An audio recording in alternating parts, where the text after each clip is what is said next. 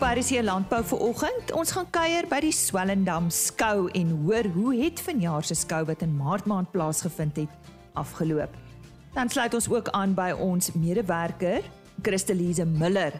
Sy het tydens die Bonsmara SA se gewilde rooi ras geleentheid daar op haar reis met Theo Foster natuurlik oor ekonomiese sake en Wandile Sehlobo van Agbus oor die landbou-ekonomie gesels. Hartlike goeiemôre van my Lise Roberts en ek vertrou jy het 'n baie geseënde Paastyd agter die rug. Ons begin vandag met nuus oor veilinge wat hierdie week plaasvind op die 21ste April, die Majesto Beefmasters veiling. Dis by die Derby veilingskrale. Die aanbod is 71 bulle, 87 koeie en 97 verse. Aangebied deur Andre Kok en Seun in Limpopo en die afslaer is Paul van Vuren. Op 23 April die Damara Skaap Nasionale Veiling.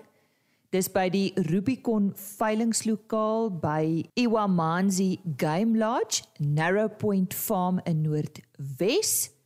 En op 23 April die R10 Brahmane se 50 jaar goue herdenking produksie veiling.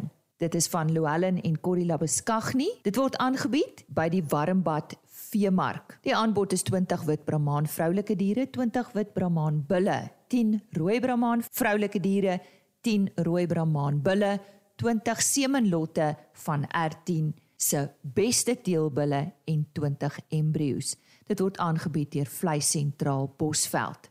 Nou donderdagoggend op RSG Landbou, dit is donderdag die 21ste, gesels ons juis oor R10 Brahmane se 50 jaar goue herdenking produksieveiling van 23 April.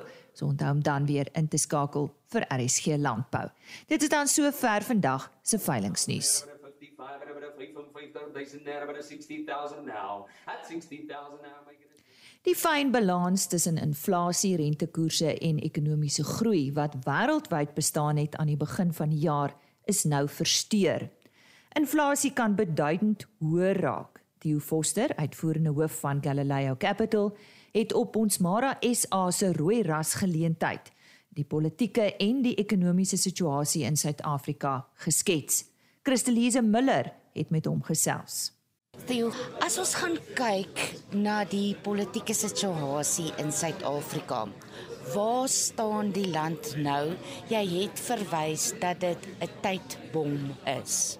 Ja, daar daar's twee tydbomme wat ek soort van uitgelig het wat ons sal moet aanspreek. En die een gaan oor werkloosheid. As jy die hoeveelheid mense wat eerstens nie deel is van die arbeidsmag en dan daai wat, wat wat nie wat werkloos is bymekaar tel, kom jy uit op iewers tussen 25 en 30 miljoen mense. Daai mense is nie deel van die ekonomie op geen manier. Ons sal iets daaraan moet doen. Maar nou vat jy die ander kant as jy kyk na verlede jaar se munisipale verkiesings. En jy kyk na die mense wat stemgeregtig is en jy vat die wat nie geregistreer is en die wat net nie gaan stem het nie, tel dit bymekaar, is jy ook tussen 25 en 30 miljoen mense. Beide uit die formele ekonomie en uit die politieke proses is daar tussen 25 en 30 miljoen mense tussen wat ouer as 18 is wat nie deel van hierdie prosesse is nie. En as jy gaan kyk beide na die na, na die werkersmag, die ekonomiese kant en jy gaan kyk na die politieke kant, is daar in beide van hierdie gevalle tussen 25 en 30 miljoen mense wat nie deel is van enige van hierdie prosesse nie. En as ons nie daai mense deel van die prosesse kry nie, gaan ons met ekonomiese uitdagings sit en met politieke uitdagings waar mense voel hulle het geen seggenskap in hierdie land nie. En dit is die risiko wat kan lei tot goed wat ons in Julie verlede jaar gesien het. So ons sal daai elemente moet aanspreek as ons vorentoe gaan. En die Cyril Ramaphosa kamp, dis krities belangrik uh, volgens my dat Cyril Ramaphosa sy stryd wen in Desember om steeds ANC leier te wees en om dan 'n goeie kans te hê om hulle kandidaat in die verkiesing te wees. Kyk, die verkiesing is 'n ander saak. Dit is redelik duidelik dat die ANC onder 50% gaan kom. Die vraag iewers tussen 40 en 50 hang hang baie af van waar van hoeveel mense gaan stem, hoe lyk die oppositie, hoe lyk onafhanklike kandidaate, maar dit gaan iewers tussen 40 en 50% wees. Jou uitdaging is as Cyril in Desember die leierskap van die ANC nie wen nie en kom ons sê die sogenaamde radikale ekonomiese transformasie vriende van Jacob Zuma same flansing kom in, dan is dit natuurlik 'n totaal ander speelveld. Nie net wat die ekonomiese beleid betref nie, maar ook wat die politieke uitkoms van 'n verkiesing betref. En daarom dink ek dat vir die ANC en vir Suid-Afrika is belangrik dat hy wen. Wat in die in die in die in die 2024 verkiesing gebeur, dit kan nie dit kan die kiesers vir ons sê, maar ons sal nie graag wil hê vir Suid-Afrika se toekoms dat die ANC daarin gaan met 'n leier wat nader is aan byvoorbeeld 'n uh, staatsinmenging as die as die beginsel van van ekonomiese beleid en nie die privaat sektor as die vertrekpunt van ekonomiese beleid. Dit is 'n waardevolle stelling wat jy maak. Sê as ons kyk na die ekonomiese situasie in die land, hoe sien dit daarna uit veral ten opsigte van inflasie, rentekoerse en ekonomiese groei? Ons sit ons het die begin van die jaar het die hele wêreld gesit en is eintlik al hier van na Covid gesit met die balans tussen aan die een kant inflasie, rentekoerse en ekonomiese groei. En die vraag was sentrale banke, hoe gaan hulle hierdie posisie bestuur rondom inflasie en nie ekonomiese groei aanbandel nie. Nou met die Oekraïne krisis wat bykom, sit jy met ewe skielik is inflasie se vooruitsigte beduidend hoër. Ons sien dit in die brandstofprys, ons sien in die voedselpryse, ons gaan sien in wêreldwaardeketTINGS. So skielik raak die inflasie vooruitsigte vir beduidend hoër inflasie. Nou is die probleem, wat moet jy doen met rentekoerse sodat jy nie die ekonomie 'n uh, 'n uh, uh, nekslag toe doen nie. Nou die wêreldekonomie kom nou eers uit die COVID pandemie uit. So hierdie balans wat reeds 'n baie fyn balans is, is nou versteur deur deur inflasie wat beduidend hoër gaan raak in Suid-Afrika gaan die verbruiker dit voel aan aan aan aan nie net aan brandstofpryse nie, maar aan voedselpryse. En daai twee elemente ongelukkig raak almal of jy nou 'n welvarende persoon is en of jy 'n baie arm persoon is, dit gaan jou direk raak. En dit beteken die rentekoersbeleid relatief tot ekonomiese groei raak 'n baie fyner beleid. Ek dink nog steeds ons gaan rentekoersstygings sien. Daai tendens gaan aanhou, maar die vraag is nou op watter punt gaan rentekoerse dalk bietjie stadiger styg sodat ons nie te veel impak op 'n brose ekonomie het nie. Sien waar laat dit landbou, die bedryf as self en die rooi vleisbedryf? Uh, landbou se uitdaging is dat hoewel Rusland net 1.5% van die wêreldekonomie is. Dis eintlik 'n klein deel van die wêreld se BBP. Is Rusland se rol direk en indirek in landbou baie groter. Nie praat ons van graanproduksie en onthou, hulle gaan nou, hulle kom nou uit die winter uit. Aanplanting moet begin. Dit so graanproduksie, sonneblomolieproduksie en dan natuurlik kunsmis. Dan waar, waar gaan die kunsmis heen gaan? Want Rusland is 'n groot voorsiener nie net van kunsmis maar kunsmis grondstowwe. So daai gaan 'n dramatiese impak hê. Die die risiko is hoe langer hierdie probleem aanhou, hoe groter gaan die impak wees nie net op inflasie nie, maar ook op landbouers in Suid-Afrika. So verwag ongelukkig hoër insetkoste, maar verwag ook hoër pryse vir jou goedere. So dit gaan hierdie gaan 'n knyptang jaar wees omdat ons sit met 'n veranderlike wat 'n baie groot impak kan hê en wat ons nie kan vooruitskat hoe lank dit gaan gebeur nie. Die risiko is as in Mei en Junie nie aanplantings in Rusland Oekraïne gaan of kan plaasvind nie, daai aanplantings kan nie vryhandel op 'n vryhandelmark inkom nie, gaan dit selfs tekorte veroorsaak in in 'n graan en graanolies natuurlik wêreldwyd. Ja, dis sonneblom en selfs koring. Moenie onderskat 'n ding so sonneblomolie hoe wyd dit gebruik word in produkte enige enkele produk of dit nou 'n pastei is en of dit um, of dit sommer net 'n gewone gereg is wat jy maak, iewers is olie betrokke. En en daai probleem van dit is as dit as die prys van dit eerstens as daar skaarsheid kom en die prys van dit gaan op, het dit 'n impak op almal van ons as verbruikers. Maar nee, ongelukkig landbouers graanpryse gaan waarskynlik hoër bly vir langer. Um insetkoste gaan hoër bly vir langer en dit gaan 'n knyptang effek hê op die verbruiker. Maar die goeie nuus is dalk in 'n mate sal 'n uh, produsente se pryse ja. dalk ook styg. Ja, die, die op hierdie stadium lyk dit of die produsent hopelik uh en ek hoop dit daar's ek, ek kan nie met sekerheid sê nie, maar vir 'n baie groot mate van die insetkoste gaan hy vergoed word deur 'n hoër prys wat hy uiteindelik vir die produk kan kry. Anderster gaan dit bloot eenvoudig nie sin maak om dit te doen nie. Theo en jou boodskap swem maar tussen al die golwe deur my boodskap is hierdie tipe wisselvalligheid kry jy gereeld. Fokus eerder op dit wat jy kan bestuur en maak seker jy bestuur dit wat jy kan bestuur so effektief moontlik en en doen jou beplanning met die verwagting dat jy gaan hoër insetkoste hê. Dit was Theo Foster, uitvoerende hoof van Galileo Capital. En Christelise Miller het met hom gesels. Sy het ook tydens hierdie rooi ras geleentheid van Bonsmara SA met Wandile Sihlobo, hoof-ekonoom van Agbus gesels, so bly ingeskakel. As jy nou hier by ons aangesluit het, baie welkom. Jy's ingeskakel vir RSG Landbou. Dis net hier op RSG vanaf 5:00 tot 6:30 van my kant af, Maandag tot Donderdag. Die Swellendam skou het vanjaar sy 190ste bestaanjaar gevier. Die skou is die oudste aaneenlopende skou in die suidelike halfrond. Om 190 jaar te vier is 'n groot geleentheid. Ons het tydens die skou met Susan Smit, voorsitter van die Swellendam skou, gepraat oor die besonderse mylpaal. Sy verduidelik waar alles begin het en hoe dit sy by hierdie skou betrokke geraak. Swellendam Landbougenootskap is in 1832 gestig deur meneer E.W. Reitz en dis die eerste jaar wat Swellendam skou ook aangebied is op die ou parade wat baie gou te klein geraak het vir die skou en hulle het dit toegeskuif na waar die huidige skouterrein is om groter skou te kan aanbied. Die dames was baie betrokke in daai tyd en het 'n afdeling van hulle eie gehad waar hulle hulle tuis gebak, hulle ingelegde produkte, beskuit, brood, koekies ensovoorts geskou het. Wat die diere aanbetref het ons 'n verskeidenheid skaap, bees en pleinvee rasse gehad en die merino skaap was altyd prominent geweest. Perde is al van daai tyd af as die vlaamperde 'n groot attraksie op die skou en daar was ook baie saalperde en later het ons boerperde bygekry. Vandag is wel in ons skou een van die mooiste skouterreine in die land maar volgens my die mooiste in die wêreld.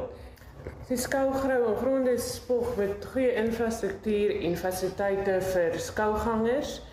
Op die skouterrein het ons ook 'n veilingkraal waar BKB maandeliks 'n veeveiling aanbied. Ek het groot geword op Swellendam en van kleins af het ek 'n vreeslike liefde vir die skou gehad. Ek kon nie wegbly nie. En so 8 jaar gelede is ek genader deur die bestuur om te kom help om die skou weer nuwe lewe te gee. En ek het net saam met die skou gegroei tot waar ons vandag is. Ons het vandag 'n fantastiese bestuur met baie entoesiastiese en positiewe mense wat lief is vir ons gemeenskap en landbou en hulle werk ongelooflik hard saam. En ons beklei nooit nie, ons het net altyd nog planne. Om vanjaar se skou te reël het groot uitdagings aan haar en die skoubestuur gestel. Hulle het nie geweet hoe die gemeenskap of die borgers sou reageer nie, maar hoe het alles verloop en wat is alles aangebied? Ons grootste uitdaging was om 'n skou aan mekaar te sit in 'n maand se tyd waarvoor ons gewoonlik 'n jaar het. En dan om borgers te kry. Ons was sien weer agtig of borgers gaan bydra tot die skou oor die hoe die ekonomie 'n knal gekry het met Covid. Maar ons borge het net almal ja gesê. Ons het net hulp gekry van ons gemeenskap en borge. Almal het ingespring om 'n skou 2022 staan te maak.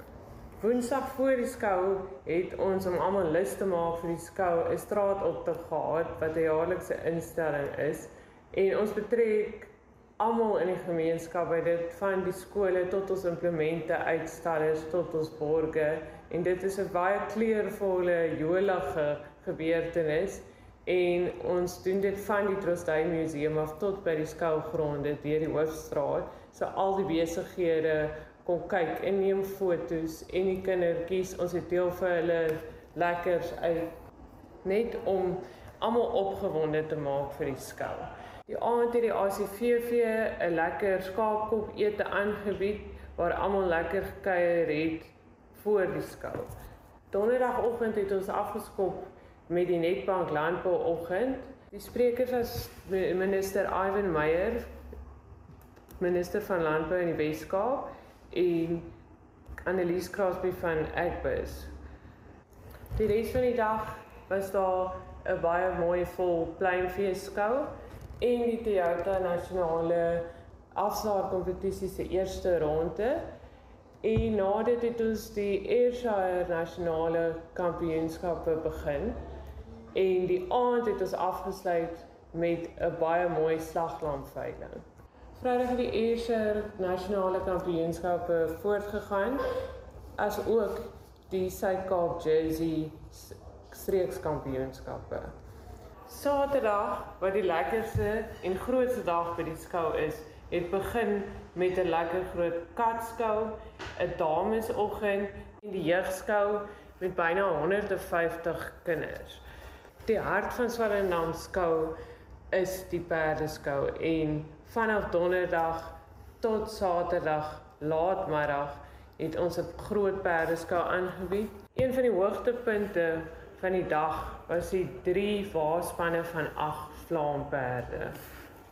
Die gemeenskap en borge ondersteun hulle baie goed en ruil daarvoor proeg hulle graag terug in die gemeenskap, nie net tydens die skou nie, maar reg deur die jaar. Sy vertel meer daarvan en wat is hulle toekomsplanne? Wat vir die Swellendam se skoubestuur baie belangrik is, is om terug te proeg in die gemeenskap.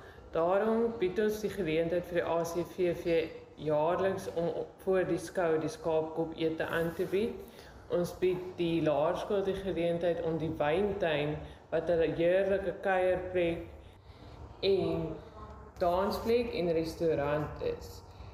Dit is die skool se hooffonds insameling vir die jaar en dan bied ons ook vir die hoërskool die geleentheid om 'n pannekoekstelletjie te hê vir hulle fonds insameling. Die terrein is laas jaar ook beskikbaar gestel vir die departement van gesondheid vir die COVID-19 inentings en ons het ook jaarliks die Double Century fietswedren wat baie besigheid die dorp inbring. Al ons gastehuise en restaurante is vol. Hierdie jaar Desember is die munisipaliteit se liggiesfees vir die eerste keer ook op die skouterrein aangebied wat vir die hele gemeenskap oop is. Ons visie vir die toekoms is om die skou net te verbeter. Ons wil fokus op kwaliteit in plaas van kwantiteit en weer byvoorbeeld spesiale aandag gee aan die kleinvee waar ons weer die merino een van die hoogtepunte gaan maak. Dit was 'n voorsitter van die Swellendam skou, Susan Smit, wat vandag terugvoer gegee het oor die afgelope Swellendam skou.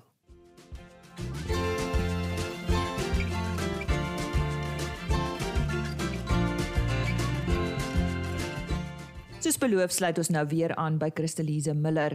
Die Suid-Afrikaanse landbouekonomie was in die 2020-21 jaar op 'n stewige voet, maar daar is nou risiko's voor die deur. Wandile Sihlobo, hoof-ekonoom van die Landbousakekamer Agbus, het onlangs die uitdagings op Bonsmara SA se gewilde rooi ras geleentheid in Parys uitgelig. Kom ons hoor. Wandile, the agricultural sector in South Africa had a, a solid year in the 2020-21 financial year, but there are some concerns for the new financial year. What are those concerns? Absolutely. The uh, 2020-2021, we had two consecutive years of solid growth. 13.4%, 8.3% growth. But if you look at this year, we will have a base effect issue. The fact that we were growing larger is going to weigh us negatively this year. Secondly, the grain harvests are not going to be as large as in the previous past year. The excessive rains in central parts of the country did weigh on the harvest. And secondly, there's some animal diseases that we still see, foot and mouth disease in parts of KZN and the others. But also, in addition to that, there's a rise in feed costs for the livestock industry with grain prices elevated on the back of the geopolitics in the Ukraine. And I think down the line, we're also going to see higher input costs uh, for the crop farming sector. And of course, if they tend to slightly reduce production because of those higher input costs, it feeds back negatively for the livestock that needs that as its feed.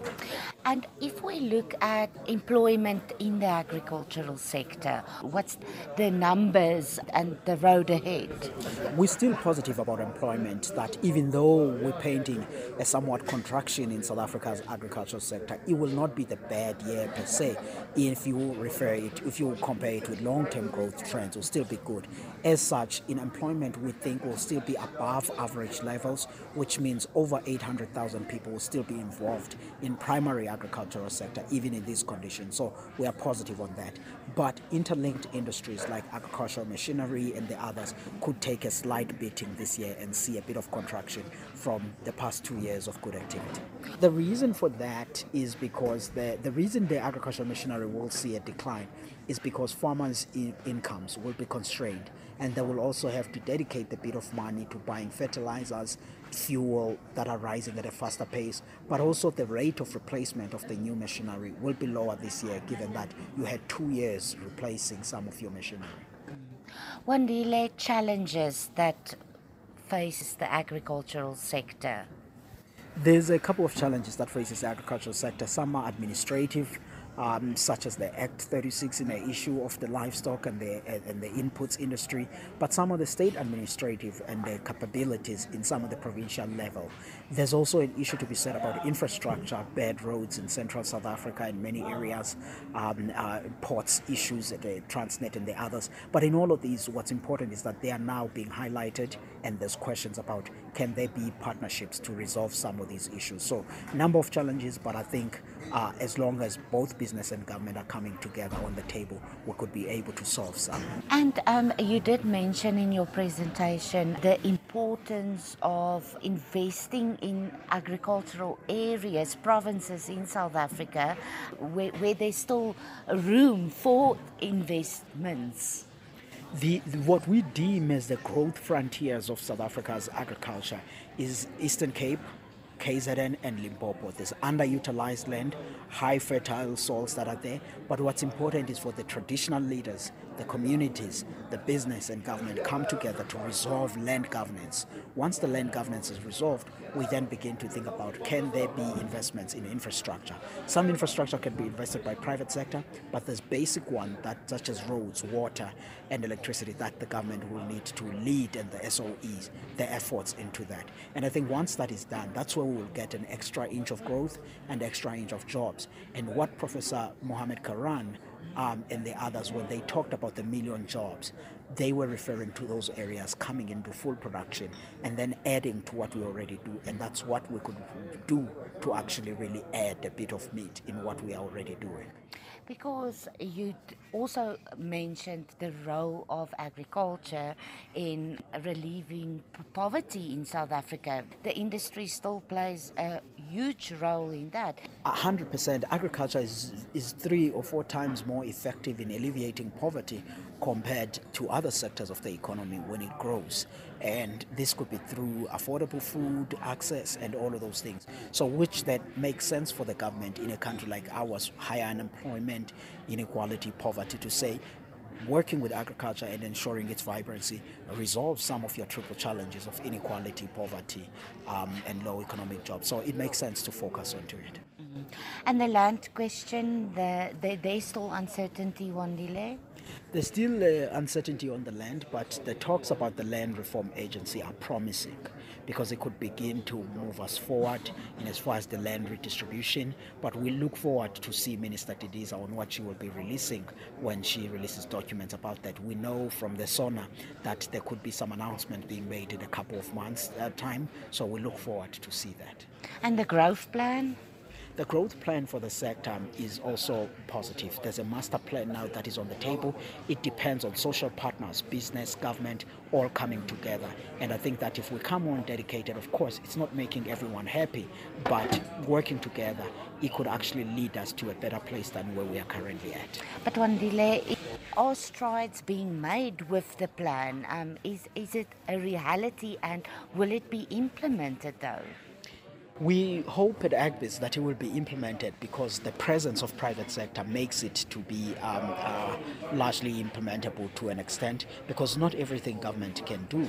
They do need uh, support from the private sector. They do need support from the communities, which is why I think the way it's being done in a social compacting way, it gives us hope that it can actually be implementable. What's your message to producers looking at the road ahead, you know, in livestock? Specifically? For, for the livestock and really indeed the agricultural community, the, the, the, message is that the next couple of two years or so will be difficult. Higher input costs on feed, on fertilizers if you are in crops, um, and also in a country that is having a range of problems of unemployment and low growth. So what we can do in agriculture is to say how do we work collectively with the governments on resolving some of the problems, but also try to improve efficiencies within our farms um, on making sure that at least we do cope with this period that is coming ahead. That means managing your costs wisely where you can, because that is going to be the key thing that is actually going to be raising going forward. So it's really to say, look at what you managed to get over the past few years, see how best you can save and manage the cost better as you go forward, but also be active in associations because those are important for resolving the large ambiguities that we all face, either policy or infrastructure side. Dit is dan Wandile Sihlobo van Agbus. Hy is hulle ekonom en Christelise Miller het tydens die Bonsmara SA se rooi ras geleentheid daar op Parys met hom gesels oor landbou, werkskepping en ander uitdagings. Dis dan hier landbou vir vanoggend. Net weer ons e-posadres en webtuiste. E-posadres rsglandbou@plaasmedia.co.za. Jy kan ook na die volledige program gaan luister op die RSG webtuiste onder potgooi en dan word die onderhoude ook gelaai op www.agriorbit.com. Ons gesels weer môre. Totsiens.